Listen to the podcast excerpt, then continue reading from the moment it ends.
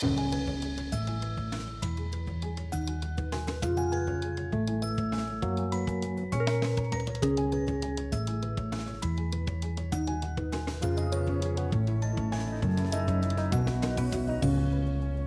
løpet av den kommende timen skal det kåres en vinner. Og hvis vi ser litt stort på det, så er det faktisk sånn at kong Haakon den syvende på sett og vis konkurrerer mot Vidkun Quisling. Blir det en tidligere statsministerektemann eller en steil partisekretær som vinner? Eller går seieren til en dannet høyesterettsadvokat med hvite hansker? eller heller hun som var hele Norges Anna i ødemarka. Ja, dette må være en av de få konkurransene der avdøde landssvikere og krigshelter indirekte møtes til uhøytidelig dyst. Når vi i NRK P2 nå skal kåre Norges beste sakprosabok på feltet biografi og selvbiografi i samarbeid med Norsk faglitterær forfatter- og oversetterforening. Velkommen til eh, Faktasjekken på NRK P2 og jakten på Norges beste sakprosabøker. I dag skal det altså handle om levd liv mellom to permer, slik kjente mennesker, stort sett, har valgt å beskrive seg selv, og slik livsløpene har blitt beskrevet av andre. Og Jeg har med meg et eh, panel eh, i dag som er ansvarlig for en lang liste med titler som NFFs medlemmer har stemt over. Så vi skal jobbe oss frem mot en topp fem-liste, og vi skal sitte igjen med en vinner til slutt. Men aller først skal vi da høre eh, panelets betraktninger. Velkommen til deg, Knut Olav Åmås. Tusen takk. Du er direktør i Fritt Ord. Du har faktisk en doktorgrad på eh, feltet biografi, og du har også vært med på å lage denne lange lista. Og din egen erfaring med å skrive biografier det knytter seg da til den tjukke boka om eh, poeten Olav H. Hauge et kanskje på utsiden ganske begivenhetsløst liv på sett og vis, men som da likevel lot seg beskrive over mange, mange sider. Eh, hva var utfordringen med å skrive den boka? Det ble veldig mange sider, og det er jo fascinerende at uh, forfatterbiografien, den litterære biografien, er så viktig i norsk uh, biografilitteratur. For det er jo, altså bortsett fra Hamsun og noen andre, så, så er det ikke de mest spektakulære livsløp. Uh, det skjer ofte ganske lite på det ytre, dramatiske plan eh, i en forfatters liv. Så det er virkelig en stor utfordring å, å skrive en eh, engasjerende og meddrivende fortelling. Og, og det har eh, ofte norske biografiforfattere lyktes med. Men det har skjedd en veldig fin utvikling i denne sjangeren også. Den er blitt mer etterrettelig og mer til å stole på. ja, hvordan var den før den ble etterrettelig og til å stole på? Ja, Kanskje litt mer eh, myte, myteskapende. Og eh, i, i, et par tiår, 80- og 90-tallet, så, så, var eh, norske forfatterbiografier preget av eh, yngre forfattere som gjerne skulle begå fadermord mot sine litterære helter, og, og som gjerne fant ett faktum, en nøkkel, gjerne noe psykoanalytisk. Eh, som, som skulle forklare alt. Men, eh, men det skjedde, skjedde, en endring her rundt år 2000, kanskje, da, da f.eks. Ingar Sletten Kolloen begynte å arbeide på en veldig systematisk og fagbasert måte med, med psykiatere og med andre fagfolk eh, som støtte for å skrive sin eh, tobinds eh, Hamsun-biografi. Bodil Stenseth, velkommen til deg også. Du er eh, historiker og forfatter, har skrevet flere historiske bøker da, og, og biografier om bl.a. Eh, Eilert Sundt og, og, Sonja Hennie. Kan du fortelle oss litt, altså, Da dere fikk i oppgave å lage en langliste under overskriften biografi og selvbiografi, eh, hva tenkte du da? Tenkte hva er det jeg har lest og som har gjort inntrykk, og hva er det som sitter igjen? Og da var det jo noen som eh, bød seg opp med en gang. Hva var det første du kom på? Ja, det var uh, Rolf Stenersens uh, Munch-biografi. Ja. Apropos Knut Olav her med uh, psykoanalytisk eller å psykologisere. Altså, det er jo en fascinerende biografi. Nettopp fordi den er så personlig, og fordi den er så subjektiv. La oss høre hva, hvordan Rolf Stenersen åpner dette altså nærbildet av et geni. Intet mindre. Det er ofte noe kvinnelig og veikt over vakre menn. Edvard Munch var vakker. Han var også svakelig, likevel virket han ikke veik. Altså, Vi skjønner her, vi kommer rett inn i eh, på å si, Munchs eh, syke. Og det var en uh, biografi som vakte veldig uh, oppsikt. Norske lesere var uvant med den type nærgående livsbeskrivelser. Så den kom opp. Og så kom faktisk uh, Lise Børsum, 'Fange i Ravensbrück', som kom ut altså i 1946. Det er en svært uh, gripende biografi. Du glemmer den aldri hvis du har lest den. Mm. Hun, hun uh, diskuterer med leseren, deler ting med leseren. Hun gjør refleksjoner, og altså disse uh, erfaringene som da fanger Ravensbrück, den er altså ikke noe heltebilde hun tegner. Verken av seg selv eller de andre kvinnene. Uh, som var der. Um, hvis jeg kunne føye til en ting her uh, om biografien, så tror jeg i motsetning til uh, Knut Olav at den biografibølgen som vi opplever nå, og den veldige interessen for biografien og enkeltmennesket, den mener jeg ble innledet med den Johan Hambros biografi om C.J. Hambro, som kom i 1984. Jeg husker veldig godt at den kom ut, og den var jo da, skilte seg da fra tidligere biografier. At vi også ble kjent med, eh, med Hambro privat. Og der var det jo et dobbeltliv han levde, ikke sant? med én familie der og en annen. Eh, før det så var det jo faktisk, altså mens jeg studerte altså Vi var ikke interessert i forfatteren, vi var interessert i verket. Vi skal komme tilbake til denne samtalen. Vi skal bare få med oss Marta Breen her. Du er jo da eh, forfatter, og du er debattant, og du er journalist. Og så sitter du også faktisk som styreleder i NFF, vår samarbeidspartner da, i forbindelse med kåringen av Norges beste sakprosabøker. Mm. Er du fornøyd med hvordan dette foregår? Altså, Dette her er jo veldig stas for eh, NFF at sakprosaen får eh, så mye oppmerksomhet som eh, vi gjør i denne runden her. Mye av NFFs og sak, norsk sakprosas historie handler om å på en måte få innpass i allerede eksisterende ordninger og få liksom bli sett på som like viktig som skjønnlitteraturen. Det har hele tiden vært liksom denne kampen da, som går framover. Og dette her syns jeg på som et skritt på den veien. Mm. Og denne lista med 25 titler, da, det er det dere tre som står bak på feltet biografi og selvbiografi. Er det noe du har lyst til å trekke frem når du ser på denne langlista, før vi begynner å snevre inn, Marte? Ja, jeg føler jo at den er ganske eh, Altså den er jo, lista er plukka ut av oss, men den er jo blitt stemt over av, av NFFs medlemmer. Og jeg føler at den er veldig Den representerer det norske sakprosamiljøet veldig godt. Eh, gjennomsnittsmedlemmet i eh, NFF er mann 61. Og da er det også ganske naturlig at det, eh, at det er såpass mange bøker som er eh, Jeg tror jeg, er veldig mange som er over 20 år gamle. Eh, og veldig mange som handler om andre verdenskrig. Og det om Det er mye av det, den typen bøker som våre medlemmer har skrevet. Mm. Mye av den fascinasjonskraften som ligger i lesernes forhold til disse biografiene, handler jo om selvfølgelig å komme, komme tett på den biograferte. Og du nevnte Rolf Stenersen innledningsvis her, eh, Bodil. og jeg tenker at eh, Vi har jo både disse hva skal man si, litt skjulte perlene på denne lista, og så har vi disse mastodontbiografiene som har vært eh, storselgere og allemannseie. Og jeg tenker på denne Rolf Stenersen-boka litt som en sånn skjult skatt som, som man kan oppdage, da, selv om den ligger ganske mange år tilbake i tiden. Ble Nei, den ble trykt opp på ny i fjor, ja, så den er eh, Ja, den er altså tilgjengelig. Og nå skal vi høre et lite klipp med Rolf eh, Stenersen, der han av en dansk journalist blir spurt eh, om han var klar over Edvard eh, Munchs eh, storhet. Jeg forsto det vel ikke, men jeg ante det. Hva gjorde de ikke? Jeg gjorde alt hva det sto min makt for å lære ham å kjenne.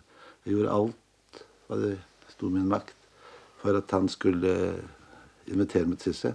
Jeg var over 30 år yngre enn ham.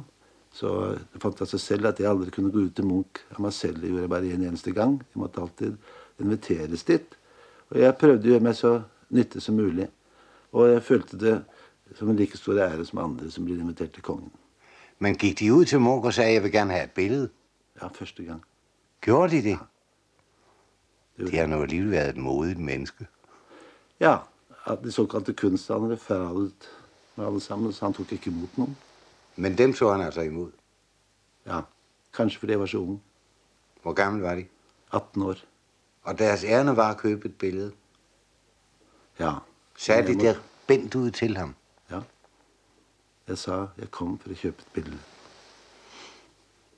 Og Munch sa Spurte hvor jeg hadde fått de pengene fra. Og jeg sa jeg hadde tjent det selv. Han spurte på hva jeg hadde tjent det. Og jeg sa på aksjer. Ja, og Her utartet det til en liten diskusjon om hvordan i all verden denne 18 år gamle eh, Rolf Stenersen kunne ha rukket å tjene penger på aksjer. Eh, det er den danske journalisten veldig, veldig interessert i.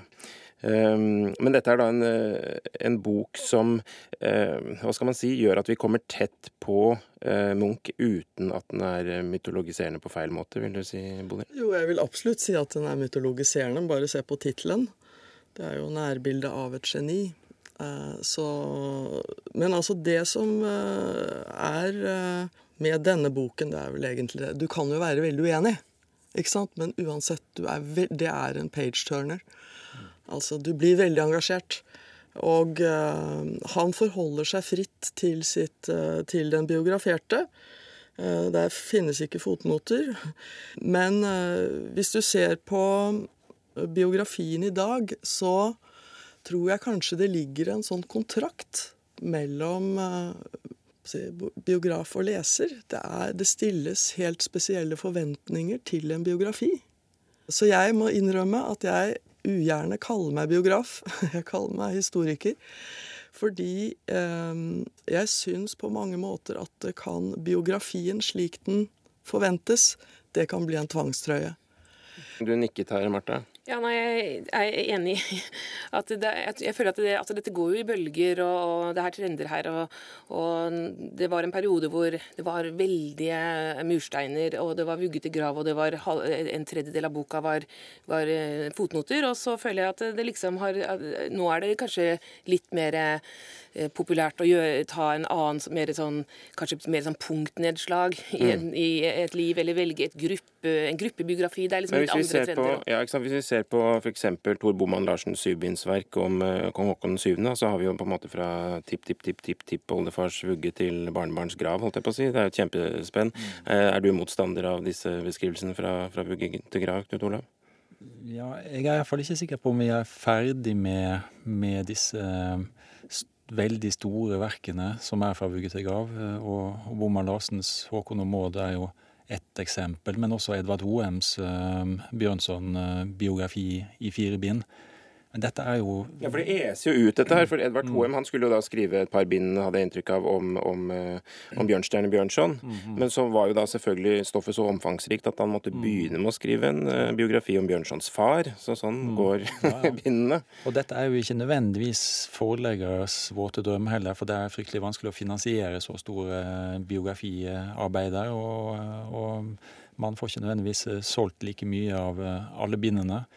Um, noen av de biografier som fanger min interesse for sjangeren, er jo f.eks. Uh, Fredrik Vandrups Bjørneboe-biografi, som kom samme år som Seod Hambo-boka til uh, sønnen Johan Hambo, 1984, begge to. Og det er jo, altså det at en sønn skriver om en far, innebærer jo mange problemstillinger og, og, og spørsmål om, også om etterrettelighet og etikk og Eh, hva han skriver, og hva han eventuelt ikke skriver. Men, men det fanger min interesse for sjangeren, iallfall fordi man kom så nær på et uh, fascinerende liv. Det samme for så vidt med Vandrup om Bjørneboe, som, som uh, på visse måter kanskje er litt mytologiserende når det gjelder forfatterens evne til å, til å, til å arbeide og, og forhold til rus og men der har vi fått et For eh, Bjørneboe han dukker opp to ganger på denne lista. Det er i 1984, som du sier, og så da en, eh, en nyere biografi ved Tore Rem mm. eh, 2010 på det bindet som står oppført her. Hva er forskjellen på disse to? Ja, Tore Rem har jo da skrevet to bind om, om Bjørneboe, også sett på sett på hans, uh, hans forhold til antroposofien, f.eks., og, og det ble en stor debatt etter at, uh, etter at dette verket kom ut, uh, hvorvidt han hadde gitt antroposofiske miljøer i Norge rettferdighet. Og Tore M er jo professor, og, og, man kan si at det er en mer akademisk biografi, det er det definitivt. men jeg tror vi er i ferd med å få en tradisjon i Norge der akademikere også kan, skjønner at de må skrive engasjerende, engasjerende fortellinger i, i sakposer. Så, så, jeg tror ikke at det at en blir bedre til å håndtere kilder og ikke ta forfattere f.eks. For på ordet i brev og dagbøker Jeg tror ikke det går utover leseverdigheten, men det, ut, det, det det gjør disse bøkene gjør at de står lenger og kan mm. brukes eh, som eh, pålitelige kunnskapskilder. Denne lista med 25 eh, titler som dere har valgt ut da, for avstemming, den har jo helt sikkert noen feil og mangler, og jeg vet at NFF har fått en del alternative tips. Men det er også mange som har kastet seg over denne lista og stemt frem en vinner da, som vi skal avsløre etter hvert. Men Bodil Stenseth, hva er denne lista dere har kommet frem til uten andre verdenskrig, for å si det sånn? Ja, veldig godt spørsmål. Eh, jeg foreslo selv eh, en, eh, en selvbiografi. Ingrid Bjerkås, mitt kall. I en alder av 57 år så ble hun altså utnevnt til prest. Hun var Norges første kvinnelige prest. Og den begynner da selvfølgelig med krigen. Og det er, ikke, det er jo altså ganske rystende, det som kommer frem der. Altså hun fant ut at hun ikke ville kjempe med vold og makt, men med ånd. Så hun eh, kritiserte jo da eh, Quisling og eh, det som holdt på å skje, eh, kraftig, og ble da innkalt til eh, Victoria terrasse. Og hun fikk altså en diagnose. Så her er det altså NS-psykiatrien eh, som slår til. Det er altså at hun er eh, Nå, nå finner jeg ikke akkurat den. Det her. Men det er den, ja, det er den altså det er jo sånn paranoia Jøssing Altså jøssing. Ja. Mm. Anglo... anglo og altså paranoia. Så mm. hun mm. Så det er også en av de som skriver seg inn, for det var faktisk en jeg da i min uvitenhet ikke hadde notert som relatert til krig, men det er det jo veldig mange andre som er. Mm. Altså Vi har jo Sigrun Slapgard sin bok 'Krigens penn', som handler om en annen krig, riktignok. Men for øvrig så uh, touches det jo inn på dette her. Både Trygve Brattelis uh, 'Fange i natt og tåke' er det selvfølgelig helt grunnleggende. Espen Søbys 'Kate har alltid vært i Norge' handler da om en jødisk ung jente. Vi har en biografi om Quisling av Hans Fredrik Dahl. det er krig og andre verdenskrig i Boman Larsens bind, selvfølgelig, osv. osv. Og så har vi da Jo Benkows bok 'Fra synagogen til Løvebakken'. Og så har vi Hanna Kvanmos eh, bok eh, 'Dommen' fra 1990, som ble folkelesning i Norge. Og nå er det flere som tegner, eh, tegner seg her. Vi skal bare høre et lite klipp eh, hvor Hanna Kvanmo redegjør for bakgrunnen for å skrive denne boka 'Dommen'. Ja, nå er jo hovedtrekkene i historien den er jo kjent, ikke minst gjennom det oppstyret som skjedde i 74.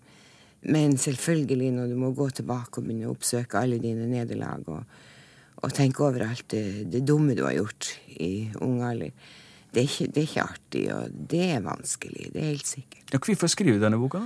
Ja, det spurte jeg meg jo selv om, og jeg hadde jo store diskusjoner med forleggeren om hvorfor i all verden jeg skulle skrive denne boka. Ikke har jeg noe behov for å bli rehabilitert, det regner jeg med som for mange år siden. Eh, ikke hadde noe behov for å tjene penger, egentlig. og men han mente det at dette var en side av eh, krigshistoria vår som ingen hadde skrevet om. Og derfor så vil han anse det som et nyttig bidrag til å få fram hele historia om, om hvordan krigen var, både for de som var på rett side, og de som havna på rang side. Så jeg bøyde meg da for de vurderingene, og har derfor skrevet boka. Ja, Hanna Kvanmo beretter hentet vel ut litt mer enn hun var komfortabel med, skal vi tro dette og andre klipp. Men da for å bidra til å komplettere krigshistorien. Lykkes hun med det, Knut Olav Åmås?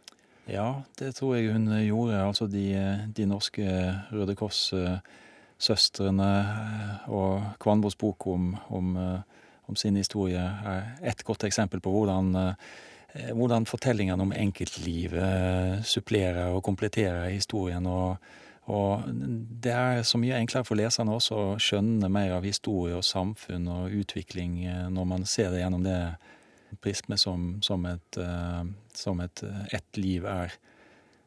Og så kan man på den andre sida belyse hele den breie konteksten og problemene og politikken gjennom dette nærblikket på en person. Og, men én ting er andre verdenskrig. Det, det, er jo fortsatt en av nordmenns største interesser. Men to andre ting slår meg med denne lange lista vår. Det er at det er gjennomgående bøker av eller om politikere. og og om forfattere. Det er også to veldig viktige trekk i, ved, ved, denne lista. Og sier noe om nordmenns interesse sånn sett også. Var du på nippet til å tegne Martha? før vi går Jeg har hørt så mange ting man har lyst til å si noe om. Eh, både den uh, Hanna Kalmo-boka, som jeg uh, husker godt når den kom. Da var jeg ung, men jeg husker at det var første gang jeg på en måte fikk uh, den andre siden av historien. Jeg hadde sett så du sånn, leste den da den kom? Ja, det var noen år etter. Jeg, men, men, men, jeg husker at den kom, jeg husker debatten. og at det liksom var, For Hanna Kalmo var så utrolig populær. Hun var liksom Norges mest populære politiker på 80-tallet. Og det bidro veldig til at man liksom så med et annet blikk, ikke bare på frontsøstrene, men også på de damene som hadde vært sammen med tyskere og sånne ting. Man, det, jeg følte at det åpna veldig, da, eh, diskusjonen. Eh, så det var veldig spennende. Og den som du nevner, Ingrid Bjerkås, eh, som også er en fascinerende historie. Jeg leste Jeg har skrevet en bok som er en sånn 60 damer eh, du skulle ha møtt, som er sånn kortbiografier. Og for å komprimere historier så mye, så må man jo lese hele, hele biografien. Så jeg har ganske nylig lest en del av disse kvinnebiografiene som jeg ikke hadde fått med meg tidligere. Og bl.a. den Bjerkås-historien som jeg, i likhet med deg, Hans Olav, ikke kobla til krigen i utgangspunktet, men som var altså det der, hvor enormt modig hun var. Eh, hun, og, og liksom, sier at eh, det hadde det ikke vært for tyskernes invasjon, så hadde jeg ikke blitt prest. Eh, og det var, eh, Hun fikk rett og slett et kall som var sånn 'jeg skal kjempe mot nazismen'. Skrev disse brevene til Quisling. Eh, prøvde å stoppe Terboven fra å tale, eh, og blei arrestert igjen og igjen. og så når, og så kommer du deg gjennom dette, og så starter du kamp nummer to, som er å kjempe med kirken om å bli første kvinnelige prest. Og hun hadde alt mot seg, ikke sant? kjønn, men også alder. Hun var 50 år når hun begynte å studere teologi. Eh, og når hun endelig var ferdig, så var det jo eh, De fleste biskopene gikk kraftig mot henne. Og det var biskopen i Bjørgvin som sa jeg, skulle, jeg ville valgt hvilken som helst uskolert mann framfor en kvinne som prest. Og så fikk hun jo ikke stillinger heller, fikk ikke jobb, men uh, til slutt så fikk hun det opp i Senja og, og, var prest på resten av livet sitt. I Ingrid Bjerkås, det er altså mitt kall, flott tittel, både hva skal man si, konkret og yrkesrelatert, og med en videre betydning. Hvis jeg, hvis, jeg, kunne tegne meg her, når det gjelder dommen til Hanna Kvanmo, så er den selvbiografien et eksempel på hvor sterkt krigen har traumatisert Norge. Og hvor lang ettervirkning krigen har. Hun legger jo frem alle, alt fra skapet. Altså hennes uh, brøde, da, med at hun ble tysk uh, i det tyske Røde Kors. Sykepleier der. Og hun godtok dommen. Men det var ikke nok. Fordi da dommen var si, avsagt, og hun hadde godtatt den, så kom jo folkedomstolen, vet du. Så det er jo hele det det voldsomme spillet, det hørte vi jo også Eller påkjenningen, da. Mm, Hvordan dette er, altså, så Alle går rundt og vet mm. hvem som er hvem. Mm. Altså så lenge etterpå. Vi skal da få høre apropos et lite klipp her hvor mm. eh, Hanna Kvanmo eh, forteller ikke bare om, om, folkedommen, men hvordan det var å møte sine egne kolleger på, på Stortinget. Ja, det var tre forskjellige reaksjoner. Det som jeg sier, det storparten av, av eh, de 155 representantene, de reagerte sånn som folk gjør når de eh, plutselig møter et menneske som nettopp har mista en av sine nærmeste. De visste nærmest ikke hvordan de skulle gripe det an. Og, og, da blir det jo til at man helst ikke sier noe, man bare går, går unna. Eh, så hadde du da de som var ute og ropte og skrek om hvor forferdelig det her var, at eh, en landssvikdømt var blitt, inn, var blitt innvalgt på Stortinget. Og så hadde du da en, en, del folk, og jeg vil jo si mange av de beste som var i Stortinget den gangen, som, eh, som da viste sin sympati og prøvde å trøste og oppmuntre. En episode som, som har brent seg inn i meg, som, som varma veldig, det var straks før påske det året. Hele, hele stortingsrestauranten var kjåkefull av folk. Og Bratteli sto ved buffeen og venta på tur. Og jeg skulle jeg gikk forbi han for å stille meg bakerst i køen. Og da Han var jo statsminister den gangen. Da snudde han seg da han så jeg kom. Rekke frem handa og si da, fremfor alle disse menneskene uh, God påske, fru Kvanmo. Jeg må si jeg ble varm om hjertet. Det var flott. Ja, Hanna Kvanmo der også. Jeg så plutselig for meg for mitt indre her nå et sånn nattbord på, på begynnelsen av 90-tallet hvor det ligger flere av disse titlene. Hanna Kvanmos 'Dommen', eh, Jo Benkows eh, 'Fra synagogen til Løvebakken'. Og så er det liksom malapropos for sammenheng sikkert noen titler av Anne Karin Elstad der, og holdt jeg på å si rundt omkring i det ganske land. Men Knut Olav Åmås, du ville supplere litt der? Ja, altså Det er jo bra at Hanna Kvanmo er med på lista både som politikers selvbiografi og tabuisert eh, tema, men også fordi hun er en, en kvinne som, skriver, som, som, skrev eh, i denne sjangeren. da. Og Av samme grunn er det bra at Ingrid Bjerkås er med. For fortsatt er det sånn at det er, det er en underrepresentasjon av, av, kvinner som det blir skrevet om, og kvinner som, som skriver i, i denne sjangeren også. Det har ofte vært en sjanger for eh, middelaldrende og, og litt grå menn. Men eh, det er fint at en prest som Ingrid Bjerkås er med, også, også fordi eh, det er, det er, skrevet litt for få biografier i Norge hele tida om folk i andre livssammenhenger og, og yrker. Mm. Eh, Arild Stuberg er en av de som har gjort noe med det når det gjelder vitenskap.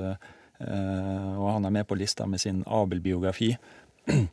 Og Ole Kristian Grimnes med, med, noe så relativt sjelden som en, en næringslivsbiografi eh, med, med, sin Sam Eide-bok.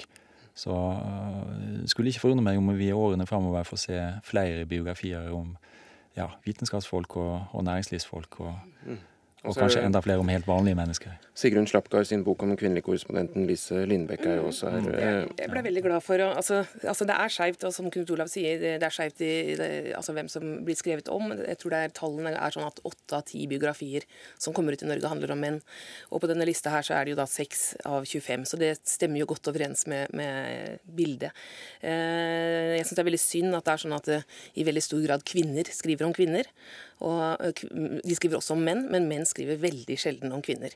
Eh, og Det er på en måte noe som jeg prøver å opplyse litt om. At det går an for menn også å ikke se på kvinners historie som sånn et perspektiv eller en, sånn noe fra siden, sidelinjen. Og det, bare for å si det, Martha, altså Den oppfordringen der den har nærmest tilbakevirkende kraft, holdt jeg på å si. fordi Da skal vi få inn et lite klipp her hvor vi hører Dagfinn Grønnose fortelle om bakgrunnen for å skrive Eh, biografi, eller hva vi skal kalle det i og for seg, da, om eh, Anna i ødemarka. Året var da 1972. og I dette intervjuet hører vi da Dagfinn Grønnåse i samtale med Kjell Tue. Men når vi først er i disse trakter, Dagfinn, ja. Eh, det er jo naturlig å nevne Anna. Ja, du vet det ble jo liksom Anna som nådde så uendelig langt, da, vet du. Mm. Eh, boka er jo kommet, eh, i, kommet på, i, på, 14 språk. Og um, i Norge er den jo uh, solgt i 163 000. dette var jo selvfølgelig moro både for, for Anna og meg. Og, og, hvorfor nådde Anna så veldig fram? Det er ikke lett å svare på det. Jeg vet ikke om jeg har noe riktig svar der, men jeg tror at Anna sto for noe som uh, traff den norske folkesjela. Og jeg syns det er så hyggelig i en tid hvor det er eh, bragder og, og laurbærkranser og, og, gull og sølv og alt det der, så syns jeg det er hyggelig at Anna eh, fra ødemarka, veien fra Haugsetvollen, den gikk fang, eh, faktisk talt til Kongens slott. Det var altså Dagfinn Grønnose om Anna eh, fra Ødemarka, eller Anna i Ødemarka. Eh, og nå tror jeg rett og slett vi må legge denne lange lista bak oss. Vi er altså midt i en kåring av eh, Norges beste sakprosabøker, og i dag da på feltet biografi og selvbiografi. Og vi skal bevege oss over på topp fem. Jeg har altså Marta Breen, Bodil Stenseth og Knut Olav Åmås rundt bordet her, som er ansvarlig for den lange lista. Nå har de ikke ansvar for topp fem-lista, der er det da rundt 1000 kompetente medlemmer i NFF som har stemt frem den lista. Og på eh, femteplass med 11% oppslutning, den slo faktisk eh, Hanna Kvanmos dommen med bare noen få stemmer. Der har vi eh, Tor Boman Larsens mangebindsverk om Håkon og Maud. Og Bodil Stenseth, er det en fortjent femteplass? Altså, Tor Boman Larsen er jo en veldig folkekjær forfatter. Han når ut til de mange, og han skriver altså Han har en skriveklo. Han, han har jo blitt historiker. Og bruker altså et enormt eh, grav, altså gravarbeid for uh, disse biografiene. Det er vel syv bind som har kommet ut så mm. langt. Den siste uh, 'Hjemlandet'.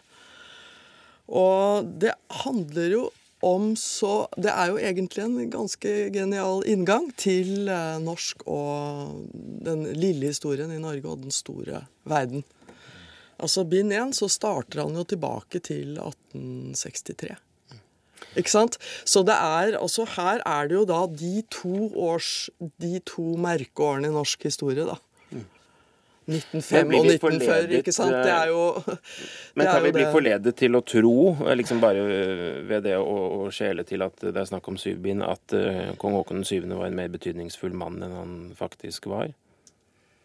Ja, det må man vel kunne stille Hva sier du, Martha? Du liksom vi ja, altså, går for det mest ytterliggående synet her nå. Ja, nei, dette er jo et eksempel på det som vi var inne på i stad, med at, eh, de, de, at, et prosjekt eh, øker underveis. Da. Det, det har jo dette gjort. Eh, og, og, det er jo, som Bodil sier, et kjempeviktig arbeid som er lagt ned for å dokumentere denne delen av historien, så det er viktig. Men jeg skulle gjerne ønske at eh, Tor Boman Larsen, som er så eh, formidlingsgod og også eh, ja, eh, kvikk, at han kunne lagd en, eh, en kortversjon. da, som, fordi at det er mange som ikke kommer til å lese sju bind. Mm. Så en sånn, en, Det synes jeg egentlig fordi, det kunne vært mer vanlig også. Jeg jobber litt med Lesesøk i bok, som demokratiserer litteratur og, og lager eh, kortere og enklere versjoner. Flere forfattere burde lage en, en, ny versjon av samme bok, som er kortere, enklere, lettere for svake lesere mm. i det hele tatt. Historien om formatet, Absolutt. kunne tenke deg. Ja. ja, Knut Olav, uh, vi får kommentere da Tor Boman Larsens femteplass her. Ja, Man kan jo la seg forlede til å tro at når noen har skrevet så mange tusen sider om uh, om et eh, kongepar, at man da har fortalt alt. Men eh, det er like interessant å, å tenke på og vite noe om eh, hva som er valgt bort, og hva slags kilder som ikke har vært tilgjengelig i, i arkivene på Slottet i Oslo og Slottet i Windsor. og det, det, er noe med selve volumet her som gjør at man ja, selve volumet har autoritet og gjør at man tror på historien. Ja, Hvis du skal spekulere, hva er det vi ikke får vite i Tor Boman Larsens bøker om Håkon og Maud? Jeg har bare lest et par-tre av bindene, så, så jeg vet sannelig ikke. Men jeg vil De kongelige vet vi er også selektive når det gjelder arkivene sine. Mm. Sist da da korrespondansen mellom eh, prinsesse Ragnhild og, og kong Olav eh, ble, ble, brent, ifølge Erling Lorentzen. Mm. For noen få år siden. Det er ikke unikt for Norge. Nei. Nei. det britiske kongehuset der er det jo et eget, en egen uh, komité som, uh, som uh, Som det var for eksplosivt eller for trivielt, det får vi da vel aldri vite helt sikkert. Men, men det gjør oss oppmerksom på at enhver biografi bare er én mulig versjon da, av et liv. Mm. uansett hvor stort materiale en biograf har, så, så må han gjøre et utvalg og gjøre subjektive begrunna valg. Mm. Tor Boman Larsens eh, verk om Håkon og Maud har fått uh, ros uh, rundt bordet her. Marta Breen har vært inne på tanken om at vi kanskje hadde fortjent et forkortet oppsummeringsverk. I Radioarkivet har vi funnet bevis for at Tor Boman Larsen i hvert fall har evnen til å fatte seg i korthet når han oppsummerer den moderne kongerekken. Kong Haakon hadde jo dramatiske utfordringer med opptil flere verdenskriger, revolusjoner omkring ham. Og så har vi kong Olav, som jo på en måte surfer inn på den annen verdenskrig. Eh, veldig dramatisk start, da. Men egentlig en relativt stabil periode i det norske samfunn. Mens kong Haralds periode har jo vært atskillig mer eh, utfordrende på den måten. Altså mye mer urolig tid, hvor også Norge er blitt eh, gjenstand for en sterk innvandring, f.eks. Som jo setter det nasjonale fellesskapet til en viss grad på, på prøve. Ja, eh, Det var altså Tor Boman Larsen som da eh, fikk femteplassen. Nå skal vi over på fjerdeplass, og der har vi Hans Fredrik Dahls bok 'Quisling en norsk tragedie' fra 2004. En bok om den norske diktatoren. Hvor mange har lest den? Bodil? Ja, den har jeg absolutt lest. Den er svært lesverdig. Og apropos det å skrive en kort versjon, så bygger jo dette på hans to, to bind. En føre blir til og En føre for fall, som utkom i 90-92. Og ti år etterpå så har han da altså sittet og, og skrevet uh, en, en, kortere versjon, og som da nettopp si, Hovedinngangen Hvordan kunne dette skje? Mm. Hvordan kunne, kunne denne lynende begavede prestesønnen fra Fyresdal, presterist, en som utmerket seg i alle sammenhenger, altså på eh, innen militæret og som Nansens eh, medhjelper i, i Russland. Så uh, hvordan kunne det gå? Det er uh, en, en, en, spennende inngang. Og Det er vel ikke noe enkelt svar, tipper jeg? Nei, men du verden for en virkningshistorie det, det fikk. Mm. Vi kan jo si at hadde ikke hadde ikke Norge blitt overfalt av uh, Tyskland, og vi hadde fått fem år med okkupasjon, så ville Quisling og hans parti ha vært glemt. Mm. Hans uh, Fredrik Dahl han uh, opptrer deg i et radioklipp som vi straks skal få høre, og forteller litt om uroen knyttet til talen Vidkun Quisling holdt i NRK den 9. april 1940. De som hørte den, de ble livredde. Og det var Det bredte seg den oppfatning, øyeblikkelig selvfølgelig, at dette var et uttrykk for at Quisling sto i ledtog med Hitler.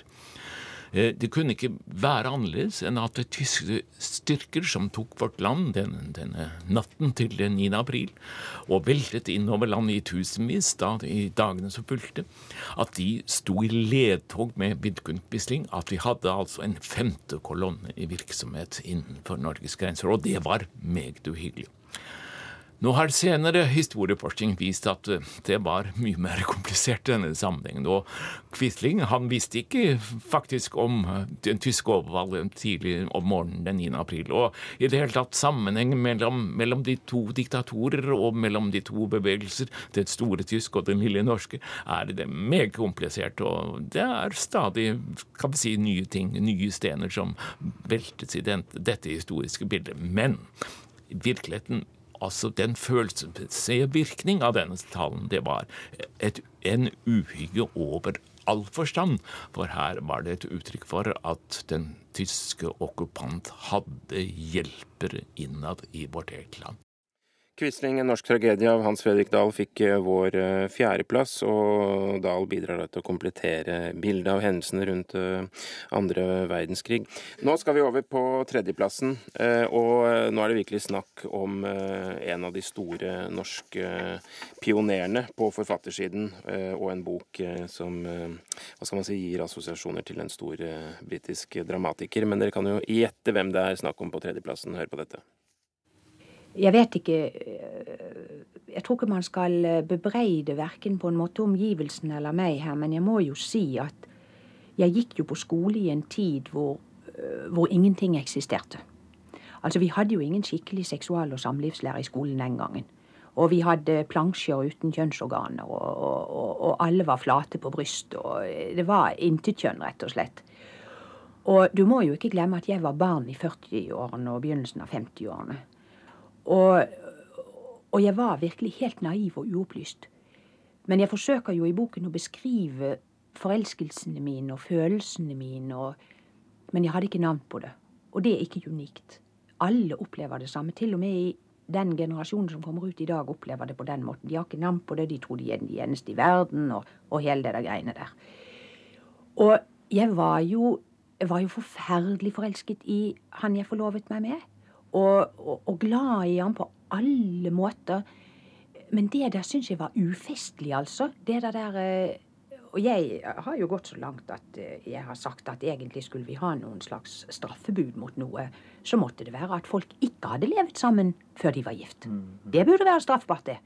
Fordi at man det, det, er veldig ofte i møte med det andre kjønn at du får bekreftet hvem du er, eller avkreftet. Ikke sant? I mitt møte med det annet kjønn seksuelt fikk jeg bekreftet at jeg ikke var heterofil. Ja, og Rundt bordet her så kappes mine paneldeltakere om å få, få, snakke først. Det var jo selvfølgelig Kim Friele vi hørte, og boka som belønnes med en tredjeplass i vår sak, eh, prosakåring, er boka 'Troll skal temmes' fra 1990. Marta Breen, gir dette mening? Ja, dette her syns jeg er eh, Jeg er veldig glad for at den boka kom så høyt opp. Og, den, eh, og Kim Friele er en av de absolutt viktigste kvinnene i norsk eh, samtidshistorie. Eh, det, så mange tabuer som hun, som hun, snakker om nå, ikke sant? som hun har vært med å bryte med når det gjelder kropp og sex, og, og, og ikke minst kvinnekroppen. Er morsom, hun er en sånn sitatmaskin. Det hun sier her, ikke sant? at det burde være forbudt å eh, ikke ha sex før man gifter seg. Eller hun har også sagt sånn Jeg trodde klitoris var en selskapsdans. så det er, det er, hun er en strålende viktig viktig pioner og, og forbilde. Og den boka kom jo på, kom i 1990, det kan høres moderne ut, men det var jo på en måte, det er ganske lenge siden. Eh, vi hadde nettopp lagt bak oss 80-tallet med Henki Hauge Karlsen-saken, og det, det, var ganske mye mer Det har skjedd mye på de åra, og de kampene som hun har vært med på med å avkriminalisere homofili og, og, og også psykiatridiagnosen og den typen ting. Eh, og så er det litt gøy, fordi hun er i motsetning til ganske mange damer som, som er, ofte underspiller sin egen rolle litt. De er, de er ganske ganske vanlig. Det har man jo sett i, i Motstandskvinnene er det mange som har sagt at nei, det var ikke så viktig det jeg dreier med og sånn. Mari Jonassen har skrevet litt om det. Eh, så, jo, så, har jo Kim Friele alltid vært flink til å løfte fram sine roller også. Eh, og det, menn er mye flinkere til det der å genierklære seg selv og hverandre. Så jeg syns det er litt stilig at hun faktisk eh, er fullt klar over hvor viktig hun har vært. Så får vi sikkert en mytologisk biografi om henne snart som heter 'Geniet, menneske' og et sånt. Men jeg bare tenker Knut Olav Åmås, apropos det Martha sier. Er dette en tredjeplass til eh, en bok eller en karismatisk forfatter? Ja, Like mye det siste, og, og til, til, en selvbiografi om et veldig viktig tema i det norske samfunnet, eh, som kom altså noen få år før vi fikk partnerskapslov. Og det går selvfølgelig an å fortelle norsk homohistorie på andre måter enn Kim Friele gjør, men hun er, hun er uansett kanskje den viktigste enkeltaktør i, i etterkrigstida. Og eh, jeg, jeg, kom ut av eh, skapet selv året etterpå, og denne, denne, boka var noe av det første jeg leste. Og den står ganske slitt og medtatt i bokhylla mi ennå. Og eh, det, det, er kanskje det, det, er forresten interessant at en mann nå i fjor utgav den siste biografien om Kim Friele, Ola, Ola Henmo som, eh, som, eh, skrev en oppdatert biografi om henne, og også snakka med veldig mange andre. Så det er et godt, eh, godt unntak. En mann som skriver om en kvinne. Mm. Ja, altså det, det, er jo en bok som engasjerer deg veldig sterkt. Og nå hørte vi henne på, på et, et opptak. Altså, Hun skriver jo som hun snakker. Altså, Det er et veldig trøkk. Det er et veldig, ikke sant? Du føler du sitter i samme rom med henne altså, når du leser. Ja, Så får vi være i kulissene og vite hva, hvordan politikere egentlig oppførte seg eh, når hun kom til de, og eh, litt sånn eh, hva skjedde, hva skjedde, mellom debattene og, og, utenfor offentligheten. Men det er morsomt. I starten her så er det jo som om hun ser altså i starten av denne boka, 'Troll skal temmes', så er det som om hun ser sitt liv i et større perspektiv perspektiv fra start. Midt i et politisk og religiøst dommedagsprofeti om katastrofal nedgang i antall nyfødte, nedkom mor med en rødsprengt, støyende datter, og så lenger. Året var 1935, og måneden var mai. Tusener av arbeidere hadde i flere uker krevd at det måtte settes en stopper for quislingenes provokatoriske møter. Leo Trotskij hadde fått politisk asyl i Norge, osv. osv. Det, det er ikke liksom snusing på løvetannen som står i høysetet i barndomsskildringen her. Selv om kapittelet heter 'Skjønn var min barndomsdal'.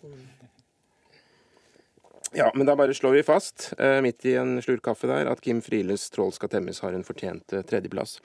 Og da skal vi over på sølvplassen, og der har vi altså Espen Søbys bok 'Kate alltid vært i Norge' fra 2003. En bok om eh, den unge jødiske jenta Kate Lasnik som ble deportert. Eh, som ble sendt med Donau i 1942. Og eh, her er det jo da altså en bok eh, basert på veldig lite arkivmateriale i utgangspunktet, hvor eh, Espen Søby sakte, men sikkert har bygget opp denne historien om Kate. Og da helt sikkert også forteller en større historie, eller hva, Knut Olav Amos? Ja, det gjør det. Forteller om hvordan det var å være norsk jøde like før og, og, under andre verdenskrig. Og fascinerende også med den boka. Den, den, er, den er, tynn eh, og, og, stramt skrevet. og og bortsett fra denne ene formuleringen som Kate etterlater seg i et offisielt skjema, der hun blir spurt når hun kom til Norge, eller noe sånt, så skriver hun altså med, med sin pikehåndskrift 'alltid vært i Norge'. Bortsett fra det så har vi, har vi ikke hennes egne ord, hennes egne formuleringer, hennes eget språk. Ja, den er, den, det er en veldig spesiell bok, måten han da har, som Knut Olav sier, bygd opp dette ut av tall og få Altså bare noen få, få dokumenter og, og gravd seg ned. Og, så, og ikke, altså det er så sørgelig. Det, det, kunne vært en sånn eh, norsk Anne Frank-historie, prøvde å lansere historien som det, men han gjør ikke det. Den er veldig sånn nøktern og nedpå. Og allikevel så er det fordi det er så sterkt, så kommer det gjennom, da. Eh, ja, hvor tett kommer vi på um, Kate? Ikke, altså, ikke sånn veldig tett som person, for som eh, vi hører, så er det jo ikke så mye som fins om henne. Eh, men han eh, klarer på en måte å, å gjøre det veldig skjørt og vakkert allikevel, syns jeg. da, eh, Å få liksom fram historien. Den, den, er veldig spesiell. Jeg husker jeg, jeg, jeg, leste den først noen år etter at den kom. Jeg leste mye om den. Og så tenkte jeg at eh, jeg syns liksom det hørtes ut som det var så lite. At det var så lite om Eller jeg skjønte ikke helt eh, konseptet før jeg leste den. Så det er egentlig sånn bok man bare må sette seg ned og lese for å forstå hvordan han har løst dette her. Fordi det er, som sakprosaforfatter, så, så er det jo sånn Du kan sitte med, med mm, tre tonn arkiv som Boman Larsen, eller du kan sitte med eh, nesten ingenting. Og så kan det bli eh, gode bøker av begge deler. Og det er sånn som vi på en måte prøver å kurse, eh, eller vi, vi, arrangerer en del kurs, og da er det jo liksom det også, de forskjellige måtene man kan angripe et arkiv på, f.eks. Og der er jo Søby helt eh, spesiell. Bodil Stenseth, hadde du noe du ville si om denne boka? Ja, det er et, eh, et nattsvart kapittel i norsk historie. Om uh, arrestasjonene, deportasjonene av de norske jødene og den økonomiske likvideringen av deres eh, hjem og, og, formuer og eiendeler. Man må jo ha et hjerte av sten hvis, for, hvis man ikke blir grepet av dette. Nå er jo også Søby opptatt av hvordan altså eh, aksjonene mot jødene ble organisert. Det var altså det tyske statspolitiet som ga ordre, og det var det norske statspolitiet som sto for det. Eh, og så var det da politiinspektør eh, Knut Rød. Så han skriver jo inngående om det, om ham. Og, det, er en, eh, det er jo et oppgjør der som ikke er over. Mm folk, altså, unnfallenheten, da. Det er jo det han på en måte, Hvor mange ja. eh, som kunne ha grepet inn, kanskje her eller kanskje der, og så skjedde det aldri. Mm. Da er det altså Espen Søbys bok på, på andreplass, på sølvplass. Um, og det er vanskelig å kunngjøre uh, disse plassene, pallplassene med, med, brask og bram, holdt jeg på å si, for det er et så alvorspreget uh, tema i flere av disse bøkene vi snakker om, og det gjelder også for vinneren. Altså den boka som er blitt eh, kåret eh, som Norges eh, beste biografi eller selvbiografi skrevet etter andre verdenskrig. Og da kan jeg kunngjøre at vinneren er tidligere norsk statsminister Trygve Bratteli med boka 'Fange i natt og tåke'. Og eh, det er en bok som kom ut i 1980. Den har fått omtrent en eh, fjerdedel av eh, stemmene. Og jeg tror rett og slett at vi skal høre et lite klipp hvor Trygve Bratteli snakker om bakgrunnen for denne boka. Når jeg for så vidt var interessert i dette, så var det ikke for å skrive konsentrasjonsleirenes historie. Det er ikke det det her dreier seg om. Men det er fordi at i all sin brutalitet så lærte jeg mer både om meg selv og om mennesker på mange måter i de uh, to og et halvt år, nesten tre år jeg var i fangeleir, enn jeg har lært om mennesker noe annet sted. Det er det som interesserer meg, og det er det en i grunnen finner igjen i det som nå har blitt ei bok. Det, det det egentlig dreier seg om, er mennesket i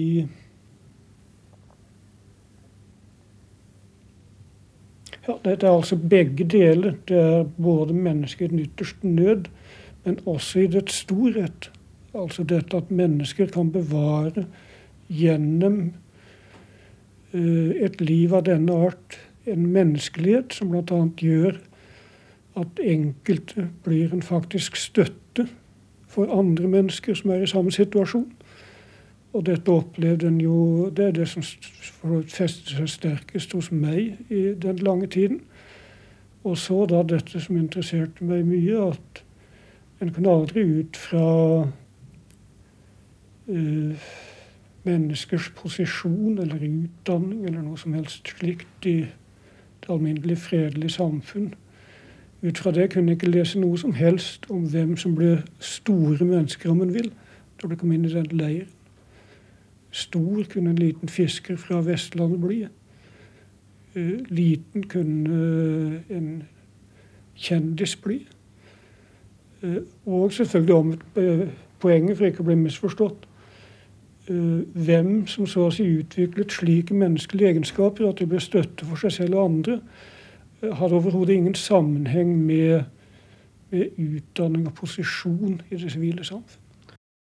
Ja, og 'Fange i natt og tåke' av Trygve Bratteli er altså opptegnelser knyttet til um, opphold i konsentrasjonsleirer under andre verdenskrig. Og um, hvis jeg har forstått dette riktig, så er det slik at uh, Trygve Bratteli egentlig ikke hadde satt seg for å skrive noen bok, men at han gjorde notater med, nærmest med tanke på å skulle beholde forstanden og kunne leve et uh, liv også etter uh, andre verdenskrig. Knut Olav Åmås, det er en slags dyster tittel, en slags dyster skjønnhet i den tittelen, 'Fange i natt og tåke'. Har du et forhold til den boka?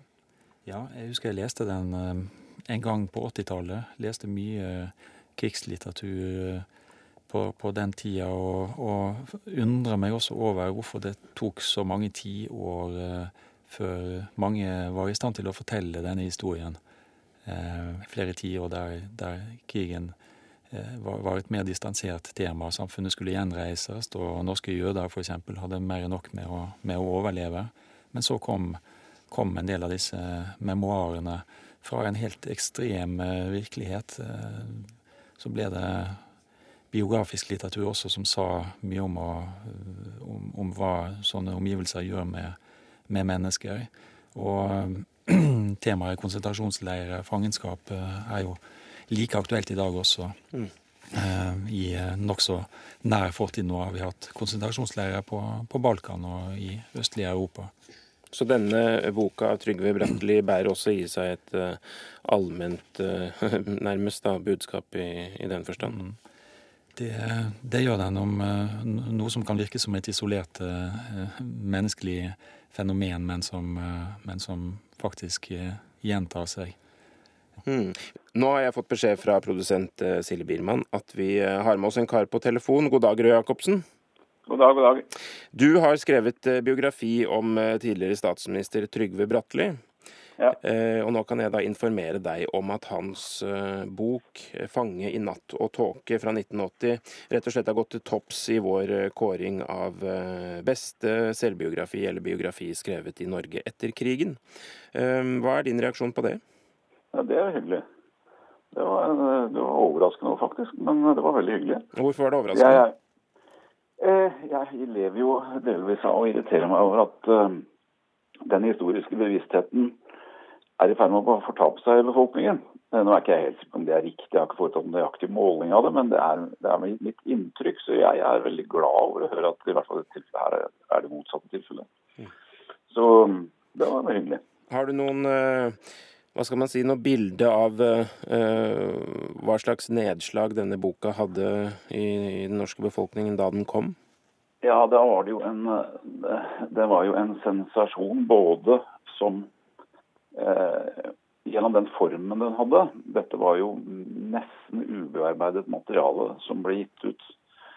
Uh, som Trygve skrev ned sommeren 45. han har lest Freud.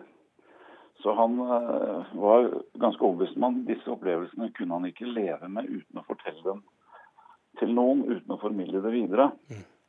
Uh, men han var også en taus mann, en innesluttet mann, og ville vel aldri funnet på å oppsøke en psykiater eller snakke med en venn eller en venninne om dette.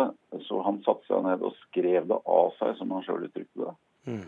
Dette materialet fant han jo seinere igjen, og da retta han en del skrivefeil og endra vel noen, noen ganske små ting. Og ga det ut. Så dette er faktisk dette er et, et rått og direkte dokument. Dette er en primærkilde. Mm som da ble lest av, så vidt jeg husker, av, ja, eller i hvert fall solgt i et opplag på 190 000-200 000 det, det, året den kom. Mm, ja, Det er jo ganske utrolig. Jeg har, jeg har, sett noen intervjuer med Trygve Bratteli hvor han snakker om denne boka. Da virker det som om han har et veldig rasjonelt bilde, nettopp apropos det du sa om Freud ja. skulle skrive det av seg. altså Et mm. rasjonelt bilde av hva som skal til for å, å, kunne gå videre i livet. Det er liksom ikke snakk om å sette seg ned og, og sture, holdt jeg på å si. Nei, det er en, en rasjonell mann eh, som taler der, selvfølgelig. Eh, det var han jo, men det var også gått et stykke tid. Han hadde vel ikke det et så klart og distansert forhold til det de første årene. Eh, vi snakker vel om eh, hva blir det, 25 år. Så han hadde jo fått, rukket å få litt på avstand. Da. Eh, og som sagt også, før han begynte å snakke om det igjen, så hadde han da lest igjennom dette. Og han, hadde sikkert hatt en, noen runder med seg sjøl da også. Mm. Roy Jacobsen, tusen hjertelig takk for at du var med oss. Mm. er slår, der slår vi fast at det var eh, Trygve Brattelis 'Fange i natt og tåke' som gikk til topps i vår kåring. På andreplass var det Espen Søbys 'Kate alltid vært i Norge'. På tredjeplass Kim Friele med 'Troll skal temmes'. Det er ikke noe mulighet for at de eventuelt kan temmes, de skal temmes. Og så har vi Hans Fredrik Dahls 'Quisling en norsk tragedie'. Og på femteplass Tor Boman Larsens bøker om eh, Håkon og Maud. Og da sier jeg tusen hjertelig takk til mitt panel i dag, Marta Breen, Bodil Stenseth og Knut Olav Åmås. Vår sakprosakåring den fortsetter neste uke. Vi høres.